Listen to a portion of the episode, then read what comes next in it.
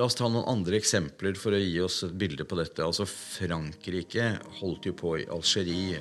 Eh, noen mener at det var folkemord, men det var det selvfølgelig ikke. Men, men uh, forferdelig uh, styre de drev på med i Algerie, og barbariske handlinger. Det er ingen som vil delegitimere Frankrike som stat av den grunn. Og det er det som er spesielt med Israel. Hvorfor er man så raske til å delegitimere en stat?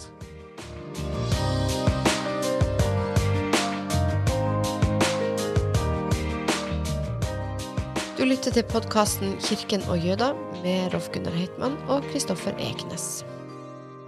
Da ønsker vi hjertelig velkommen til en ny podkast i serien vår om antisemittisme. og Denne gangen så vil vi særlig belyse spørsmål som har med antisionisme og kanskje også anti-israelisme å gjøre. Eh, mitt navn er Rolf Gunnar Heitmann, er seniorrådgiver i Den norske Israelsmisjonen. Og I dag er vi så heldige at vi har med oss forstander i Det mosaiske trossamfunn, Ervin Kohn. Hjertelig velkommen, Ervin. Tusen takk. Du har jo for så vidt eh, har og hatt flere hatter. Du var i flere år nestleder i Antirasistisk Senter. Du er kanskje pensjonert derfra nå, men du har en viktig rolle å spille. og Mange av oss kjenner jo deg fra offentligheten, både fra radio, TV og aviser.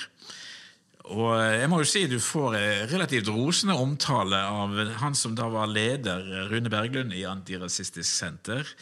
Han sier bl.a. At, eh, at du er en tydelig talsperson og har bidratt til å løfte oss utad. Og så fikk du også eh, Ikke-voldsprisen i 2018. Og Juryen der sier jo om deg at du er en modig stemme og derfor utfordrer eh, både til selvransakelse og nytenkning. Og at du reagerer instinktivt på urett og er rask med å si fra offentlig når enkelte grupper, ikke bare jøder, men også andre minoriteter, utsettes for diskriminering og hat fra enkeltmennesker eller fra storsamfunnet. Eh, og Korn, sier, han, eh, sier juryen, er en temperaturmåler på anstendighet og respekt for menneskets likeverd i samfunnet. Det er jo flotte ord. Ja. Det er rosende altså skjønnmaling. Men maling har aldri, aldri folk tatt skade av. Nei. Jeg tenker at eh, jeg opplever det også sånn at du på en måte har vært med å profilere selvfølgelig den jødiske minoritet i Norge, eh, hvordan dere har det, hva dere står for, hva, hvordan dere lever i det norske samfunn. Eh, også innenfor rammen av ditt videre arbeid mot rasisme. Eh, og Sånn sett har du vært med på å åpne opp det norske folks og også norske kristenfolks ører og øyne for ditt samfunn, altså ditt norske samfunn, det jødiske samfunn i Norge. Det har du jo for så vidt også til felles med din forgjenger Anne Sender, og også med rabbinerne som har vært etter både Michael Melki og hans sønn nå. Kan du si noe om eh, Ervin, er dette en bevisst strategi fra deres side? Dette på en måte å være synlig og tydelig? Det har jo ikke alltid vært sånn i det norske Nei, samfunn. Eh, det er helt riktig, og det har jeg lyst til å si litt om. Og det har jeg lyst til å innlede med å si at uh, det er veldig veldig altså, smigrende selvfølgelig å få slik omtale som juryen til Ikkevoldsprisen eh, har skrevet. Um, og det er selvfølgelig utrolig inspirerende når, du, når man får anerkjennelse for ting som betyr mye for en selv. Og det uh, Altså, vi har i, i uh, jødisk tradisjon så har vi noe som heter tikkun og lam. Dvs. Si en ambisjon og en forpliktelse om å reparere verden. Og, så det er det er liksom langt fremme i panna mi når jeg sier, eh, eller har sagt da i offentligheten at jeg er eh, både vaktbikkje og kamphund. Så eh, det har jeg sagt også da i forbindelse med at jeg tok, tok ansettelse i Antirasistisk Senter. Jeg var der i åtte år. Og det var et helt åpenbart karriereskift for meg. Jeg har vært i næringslivet hele mitt liv. Jeg var daglig leder for en bedrift som het Savo i 18 år. Så, så det var helt åpenbart et karriereskift. Og begrunnelsen for meg for det var jo nettopp uh, å kunne bidra til, uh, til uh, å kalibrere vårt moralske kompass når det er behov for det, og det er det av og til behov for. Og så være da en vaktbikkje og kamphund. Altså både å passe på når vi som samfunn er i ferd med å trå feil. Og eh, da ta kampen og være aktivistisk også. Ikke bare å stå på sidelinjen og si ifra, men også hoppe inn i kampen og på barrikadene. Så, så det er liksom mine eh, personlige tilbøyeligheter som fikk utløp i Antirasistisk Senter. Og den kampen jeg kjemper mer enn jeg kjemper kampen for jødene og kampen mot antisemittisme, det er for taterne. Fordi at det er en fantastisk viktig læring for eh, oss uh, som samfunn for å huske på historien vår. Altså, Knut Vollebøk ledet uh, det utvalget som kom med denne, denne rapporten om alle våre overgrep mot taterne i 200 år. Men han tok bare de 200 seneste årene, er min kritikk til Knut. Og ikke de 200 første. Du vet at Vi drev jo folkemord, regelrett folkemord på en av våre minoriteter. Og det er nesten så godt som ukjent i Norge. Og, og det føler jeg er viktig når vi liksom har en tendens i Norge til å peke på andre og andre nasjoner. Så glemmer vi ofte at når vi peker, så er det én finger som peker på den vi peker på, og så er det tre fingre som peker tilbake på oss selv. Men de tre fingrene de har vi liksom lett for å ignorere eller ikke kjenne til. Så ikke sant? Vi drev jo fantejakter, årlige fantejakter i over 100 år etter et kongelig dekret fra 1643, hvor vi satte skuddpremie på tatere. Og, og, selv om liksom den organiserte fantejakten opphørte midt på 1700-tallet, så var den siste kjente fantejakten i Gålå i 1907, hvor 1000 nordmenn deltok i jakten på tatere. Det er eh, så opprørende at, at, jeg kan nesten ikke få sagt det. Men til, til den andre delen av spørsmålet ditt så er det ingen tvil om at jeg står på skuldre til andre og skuldrene til min forgjenger Janne Sender og eh, ikke minst Michael Melchior. Og før Michael Melchior så um, var altså den uh, tilbøyeligheten som jøder har, tilbøyeligheten til å ønske å ligge under radaren, det var den som var fremherskende og rådende. Og det endret Michael Melchior ved å gå uh, ut i offentligheten på en måte som ikke den jødiske minoriteten hadde gjort før. Uh, man hadde vært ute, man hadde reagert i aviser uh, tidligere uh, i ulike sammenhenger. F.eks. da han, tyskeren Wilhelm Wagner ble ikke benådet, men hvor Høyesterett opphevet dødsdommen hans. Wilhelm Wagner var den eneste som ble dømt for det norske holocaust, eller holocaust i Norge. Og Høyesterett opphevet dødsdommen hans og gjorde om den til 20 års uh, straffarbeid. Uh, men han ble altså utlevert til Tyskland etter fire år. Så, og da var det jo reaksjoner. Så da var det enkeltindivider som eh, Leo Eitinger og, og et par andre som skrev, skrev i avisene. Men, men uh, Michael Melcher han reagerte f.eks. Eh, tidlig. Han kom hit i 1982. Um, da reagerte han på at den jødiske minoriteten ikke var representert ved da markeringer rundt altså krigen, okkupasjonen så var ikke jødene invitert. Så han reagerte på det. Det var jo en historie som eh, en har prøvd å skjule, ikke sant? Eh, også fordi norske, norsk, politi og norske offiserer var sterkt involvert i, i, det norske skal vi kalle det det norske holocaust. Ja, da, og sivilbefolkningen. ikke sant? Altså, det var ikke bare drosjesjåførene og politiet, men, men byråkratiet var med. Og det, og det, er uh, Folk lurer på ok, nå er det vel ferdigskrevet og ferdigforsket om okkupasjonstiden. Og det er det naturligvis ikke. Det er masse forskning som uh, altså Vi har bare så vidt begynt å skrape i overflaten. Uh, og et område jeg syns er spennende, er dette med Vi snakker vi akkurat nå 80-årsmarkeringen for deportasjonen av jødene bak oss i forrige uke.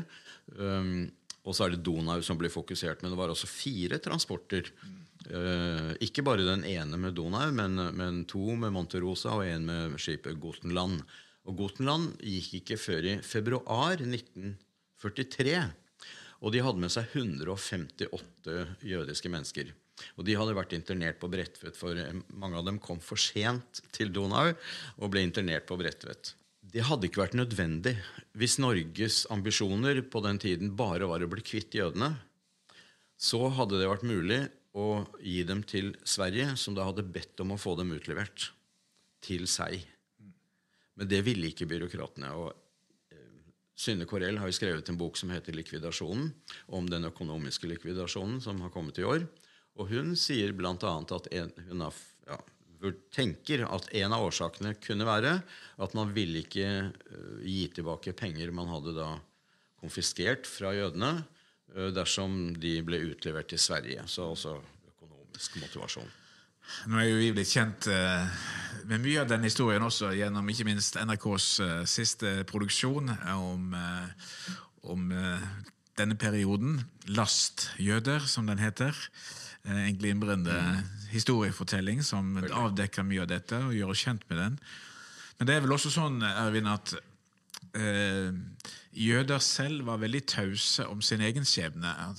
Etter krigen også. Eh, altså Det kan sikkert være flere grunner til det, men det var vanskelig å fortelle om det som hadde skjedd. Og, ja. og det var vanskelig å bli å, være, oppleve at, at, dette ble tatt imot. At, var, at, de var troverdige i sin fortelling. De ble møtt med taushet. Og uh, i den grad de snakket, så ble de møtt med bebreidelsen om at uh, de uh, skulle være fornøyd med at de lever. Og du behøver ikke mange sånne svar før du ikke, før du ikke snakker. Så øh, Noen snakker dersom de blir invitert til det.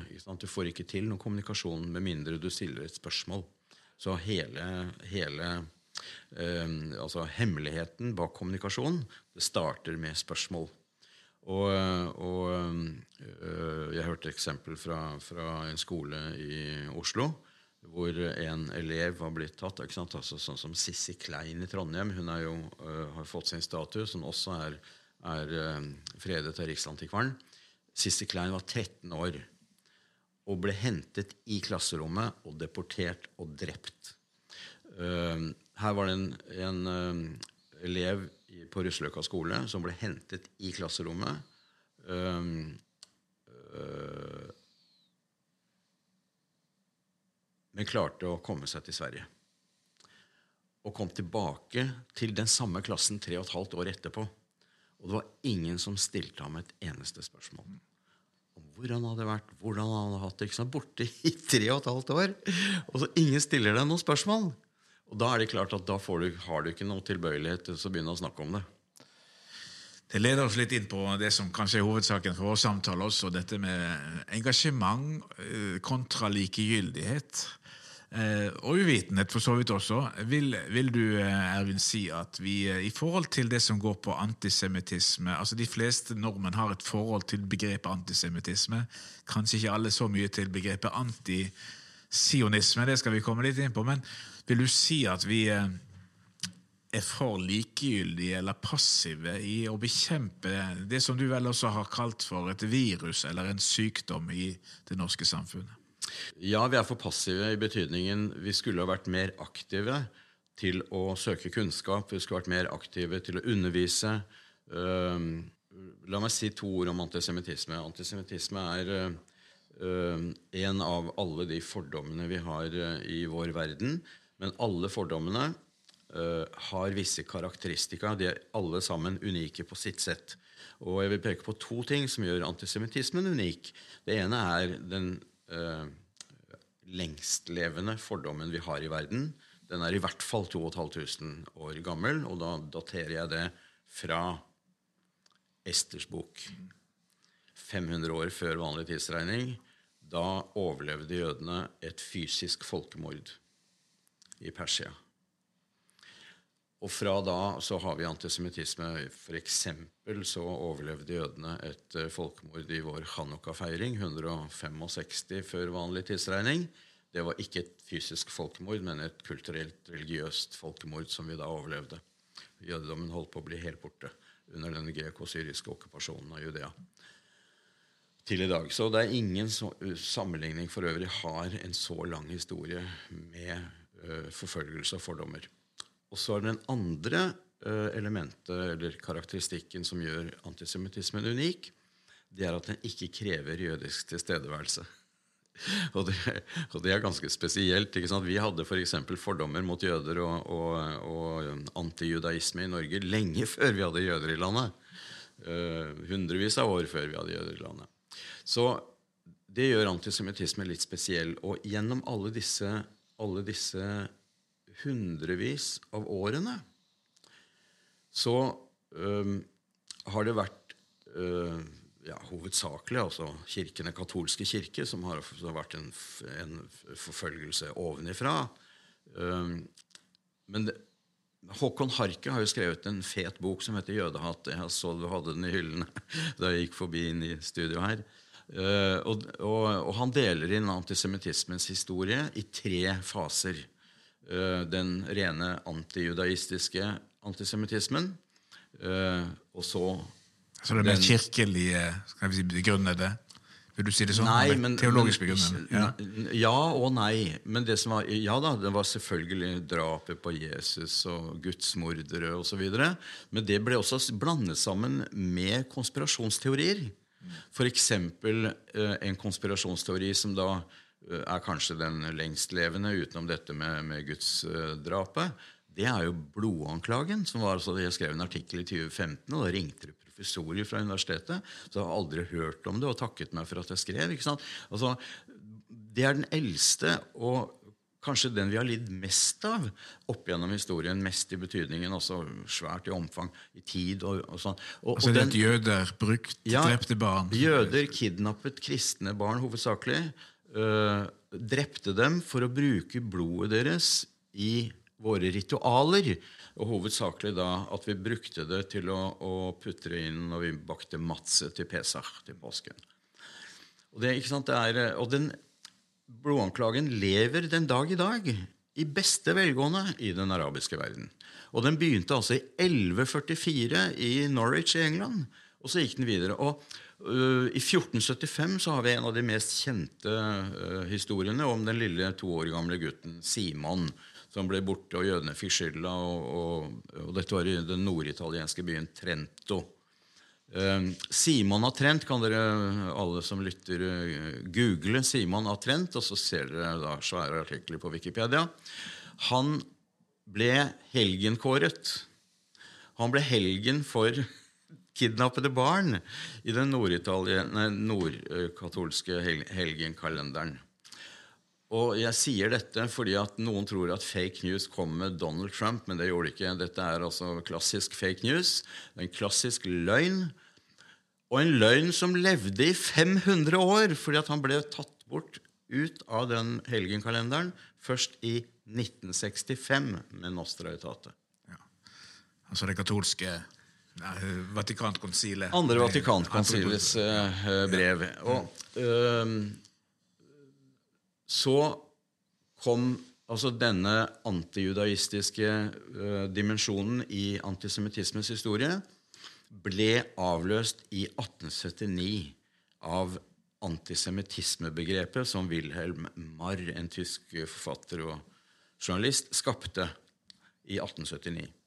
Og for å gjøre antisemittismen eller antijudaismen stueren og litt mer vitenskapelig. Og da gikk altså antisemittismen over til å bli biologisk, altså rasistisk. Og uh, Helt frem til da så kunne altså jøder redde livet ved å la seg døpe. Og etter 1879 var det slutt på det, for da satt det i blodet. Uh, og da kjenner vi til dette også fra, fra vår verden. at altså, hadde du altså diskusjoner rundt hvem var jøde, og halvjøder og kvartjøder og mislinger og sånn. Uh, og så den tredje dimensjonen, som Håkon Harke forklarer i Jødehat, Eh, er den politiske antisemittismen. Jeg tror det er kanskje det, som er det viktigste temaet for dagens eh, vår samtale i dag. Eh, det er den politiske antisemittismen, og, og, og, hvor Israel har begynt å ta jødenes rolle som, som prygelknabe. Du, visste du at Først er det første misjonsbladet? Først var Først kalt Misjonsbladet for Israel. Så har Først først nå fått ny innpakning. Ja, dette i form av bladet Først. Rett og slett et gammelt misjonsblad i ny form. Fremdeles med fokus på det første folket. Bestill ditt første eksemplar nå, eller abonner først som sist. Misjonsbladet Først. Sammen skal vi gi evangeliet tilbake til jødene. Gå inn på israelsmisjonen.no. Bestill bladet helt hjem, helt gratis.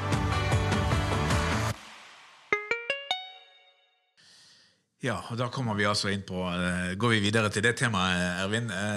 Eh, ja. er jo et begrep som brukes i den sammenheng. Eh, Nå er kanskje heller ikke antisionisme helt entydig. Det finnes kanskje også jøder som er antisionister. Men Altså, eh, alt kommer jo først fra jødene. Du vet det, også antisionisme. eh, det spørs jo litt hvordan vi definerer sionisme. ikke Ja, sant? tror la oss gjøre det. Ja, hva, hva tenker du, da? Den enkle, gode definisjonen som er kanskje mest ansett og brukt i dag, det er altså at det er eh, eh, drømmen om å komme tilbake til Sion. Og det er en eh, bevegelse som, eh, som startet på slutten av 1800-tallet, eh, med da Theodor Herzl som, eh, som eh, den fremste protagonisten eh, for den, og som da ledet den første eh, sionistkongressen i Basel i ja, Nå skal jeg ikke si tall, så sier jeg ikke noe feil. i hvert fall. 1896? 1896 eh, tror jeg er ganske riktig. Og øh, drømmen om å komme hjem til Sion er i vår liturgi og i våre skrifter helt sentral. Ikke sant? Er, og vi avslutter en, hvert sedermåltid, altså øh, øh, påskemåltid, med Le Shana Haba Berushalayim, neste år i Jerusalem.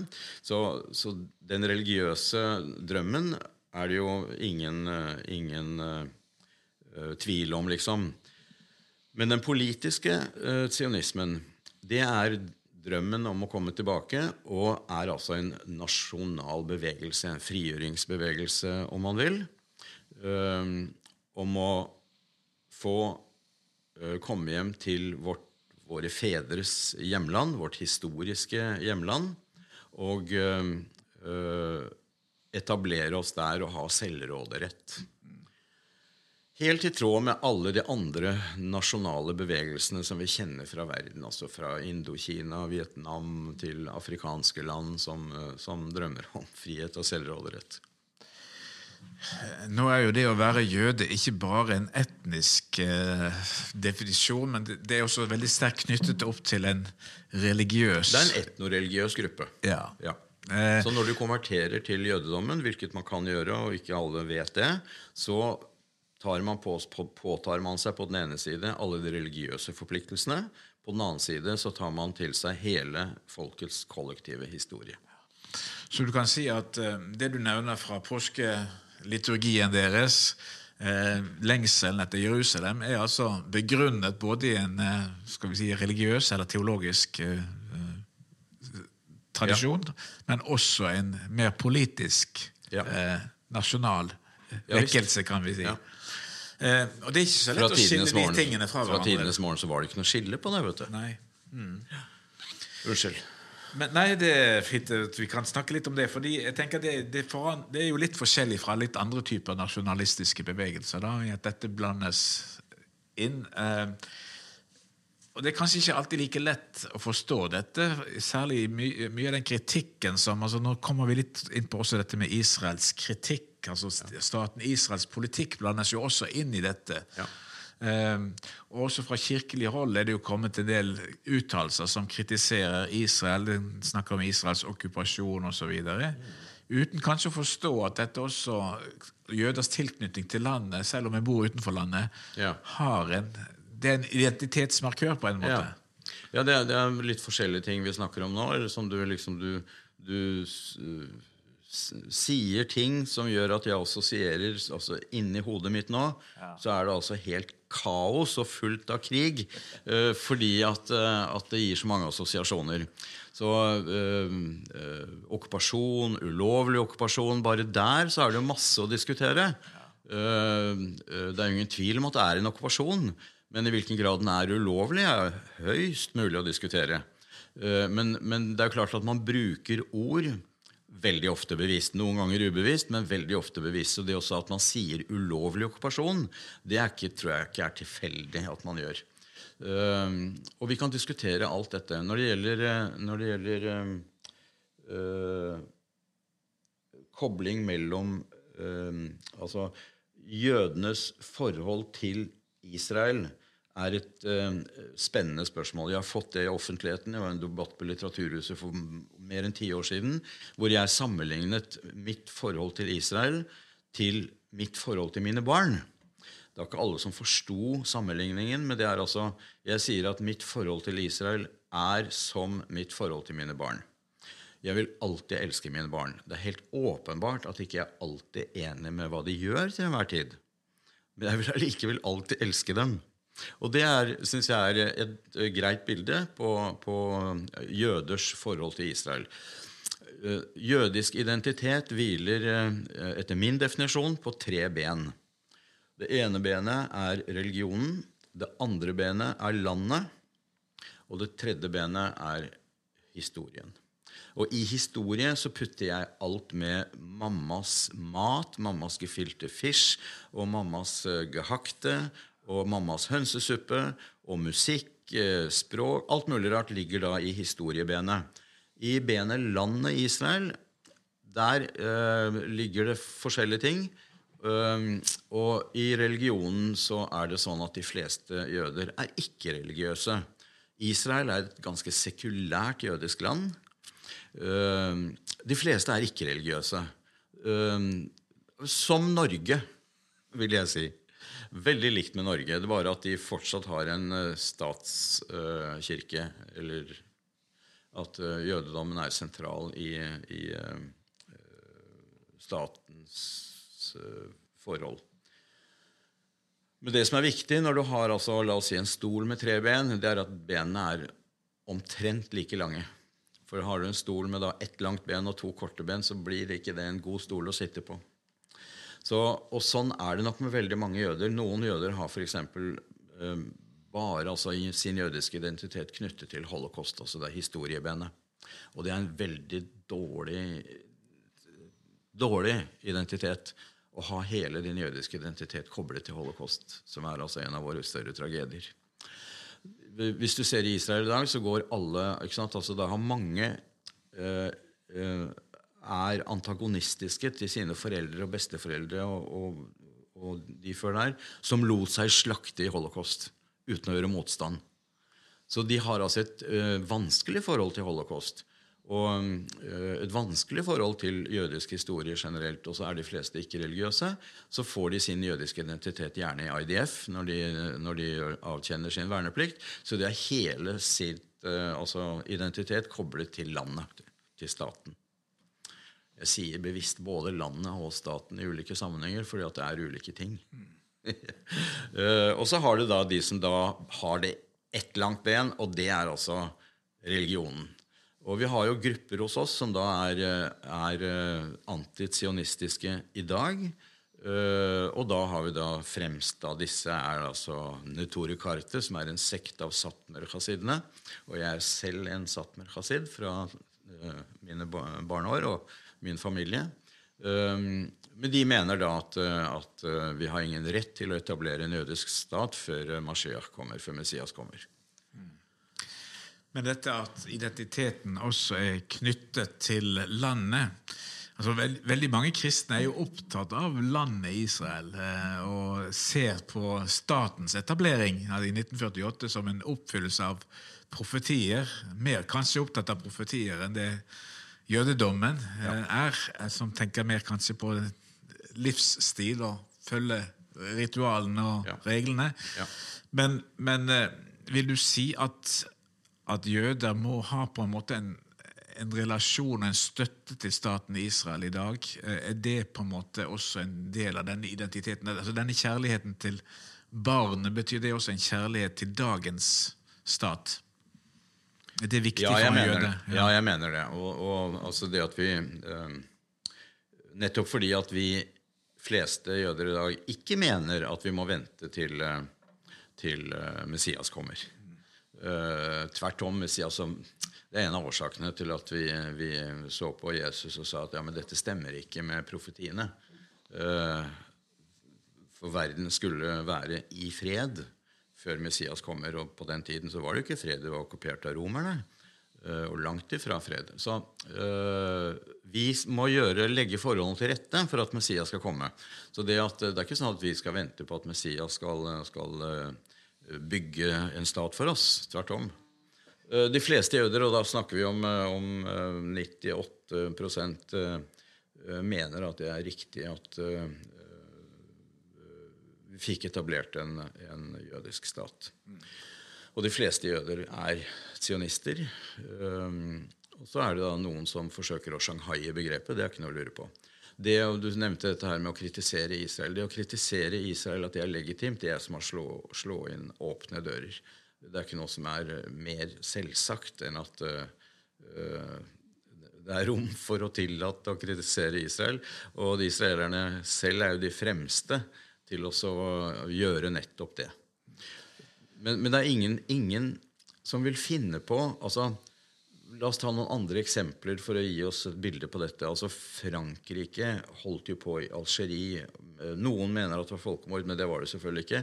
Men, men eh, forferdelig eh, styre de drev på med i Algerie, og barbariske uh, handlinger. Det er ingen som vil delegitimere Frankrike som stat av den grunn. Og det er det som er spesielt med Israel. Hvorfor er man så raske til å delegitimere en stat? Fordi at man er uenig med politikk som gjøres, drives fra, fra den ene dagen til den neste. Du definerer jo også, eller bruker jo ofte, har jeg lagt merke til, en definisjon på antisemittisme som, eh, som også EU benytter med såkalte 3D-er på engelsk. Ja. Der dette med delegitimering og demonisering er to av de. Ja.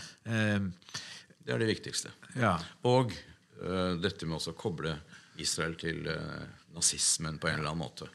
Dobbel standard er vel den siste Dobbel standard er den siste D-en, men det ligger også i demonisering, mener enkelte. Uh, så Det er jo et veldig sterkt uttrykk, da. Demonisering. Ja. Eh, det er når du tillegger andre motiver. Ja. Som eksempel øh, Det har vært en, en, en krig i Gaza, og så er barn blitt drept. Det å da hevde at israelere går spesielt etter barna, f.eks., at de har noen egne motiver for å drepe barn, det går rett inn i blodanklagen. Så Der ser du koblingen mellom anti, altså denne Israels kritikken, eller måten en bruker det på, til antisemittisme. Ja. Fordi det rammer altså ikke bare en nasjon, men det handler om kritikken mot et folk.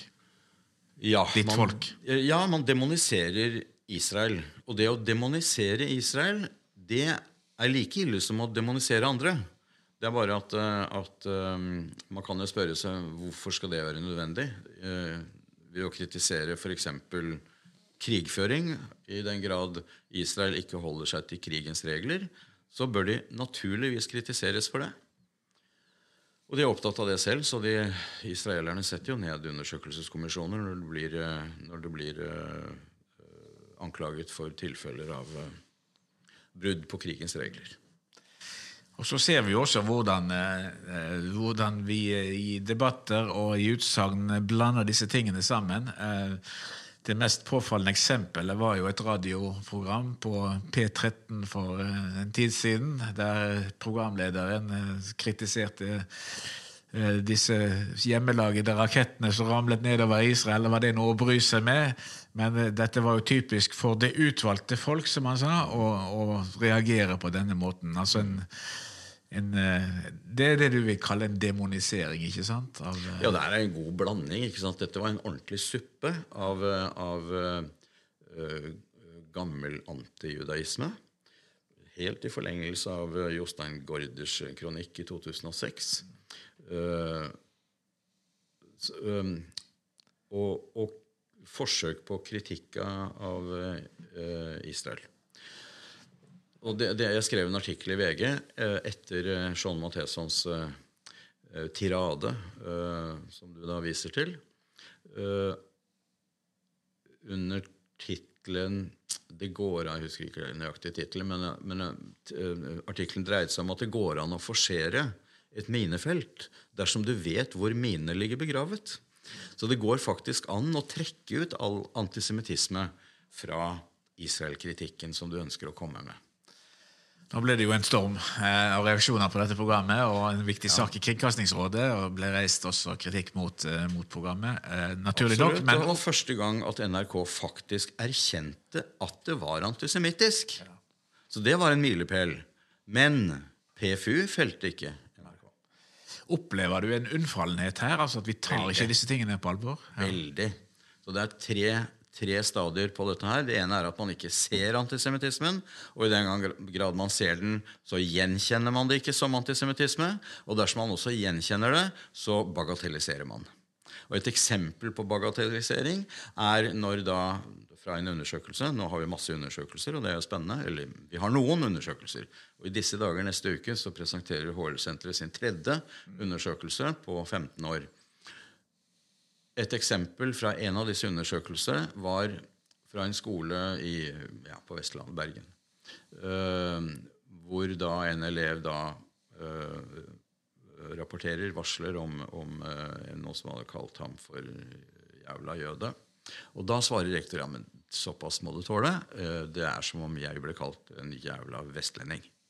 Og da har man ikke sant, den måten å bagatellisere på, på bakgrunn av f.eks. at man ikke skjønner at det er forskjell på vestlendinger som ikke er blitt forfulgt noe særlig, ikke nok etter min mening, og jøder. Så eh, det er en måte å bagatellisere på. Å ikke gjenkjenne antisemittismen er eh, eh, som eksempel eh, ja,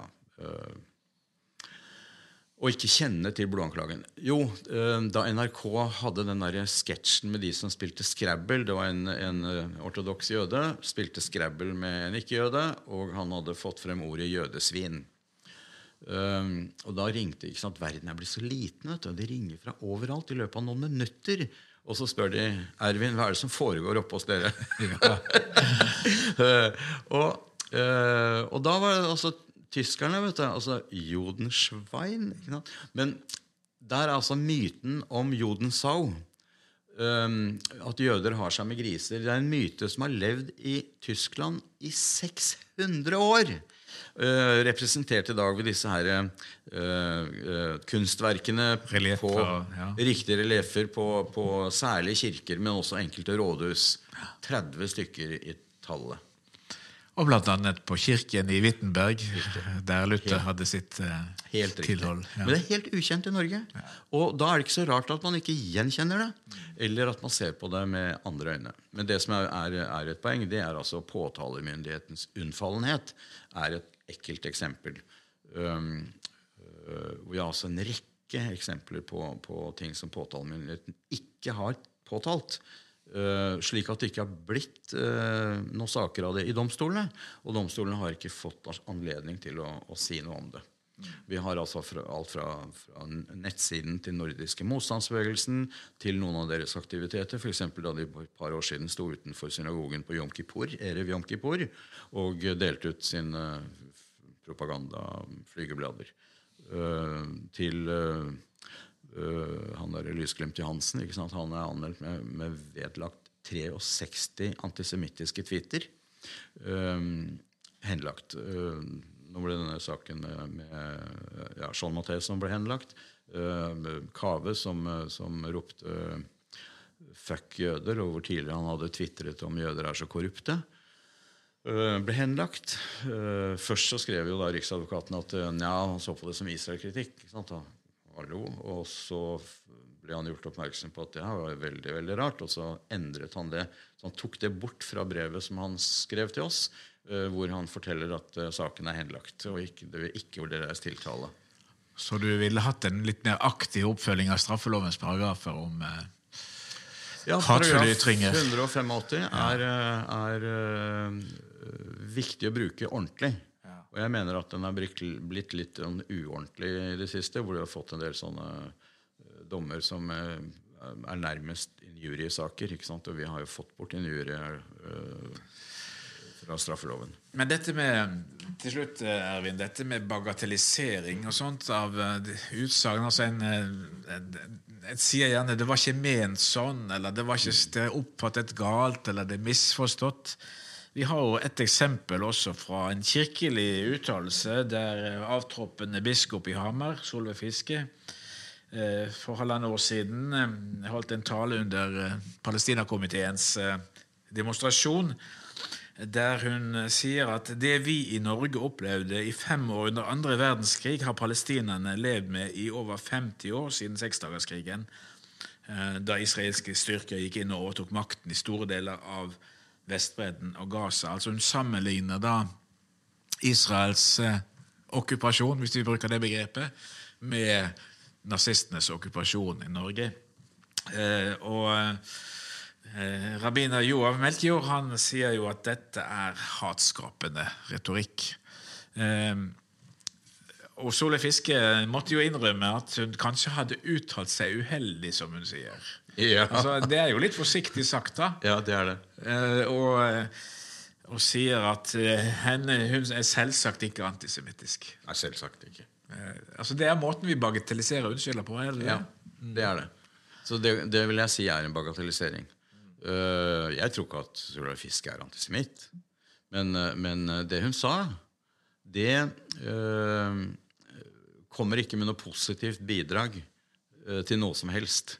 Eh, for det, det hun der gjør, faktisk, det er å se bort ifra altså, Hva var denne okkupasjonen for noen ting? Hva var denne krigen? Eh, hvordan det gikk det utover jødene. Så alle de sammenligningene mellom da eh, det som skjedde med jødene eh, under den annen verdenskrig, under naziregimer eh, Det var jo da altså det største industrielle folkemordet i historien. Et av de fire offisielle folkemordene vi har i vår verdenshistorie. Du kan ikke sammenligne et folkemord med befolkningseksplosjon. Altså Befolkningen i, i Gaza er femdoblet. Befolkningen i Jerusalem, altså den, eh, den arabiske befolkningen i Jerusalem, er femdoblet siden eh, 47-48. Og, og da kan du f.eks. ikke snakke om eh, etnisk rensning, som mange gjør når de beskylder altså Israel for å drive etnisk rensning i Jerusalem. Og da kan du ikke, altså du, du får ikke tallene, fakta, til å henge i hop med påstanden. Så, så øh, Fiskes øh, bidrag til debatten med det sitatet var ikke positivt, nei. Eh, mildt sagt. Nå har jo også eh, Fiske sagt at hun støtter boikott av israelske varer produsert på, eh, på, eh, i okkuperte områder. Eh, Vi har denne BDS-bevegelsen, som bl.a. også har eh, fått sin, tals, eh, sin røst gjennom denne såkalte kirkeuka for fred, eh, som arrangeres hvert år.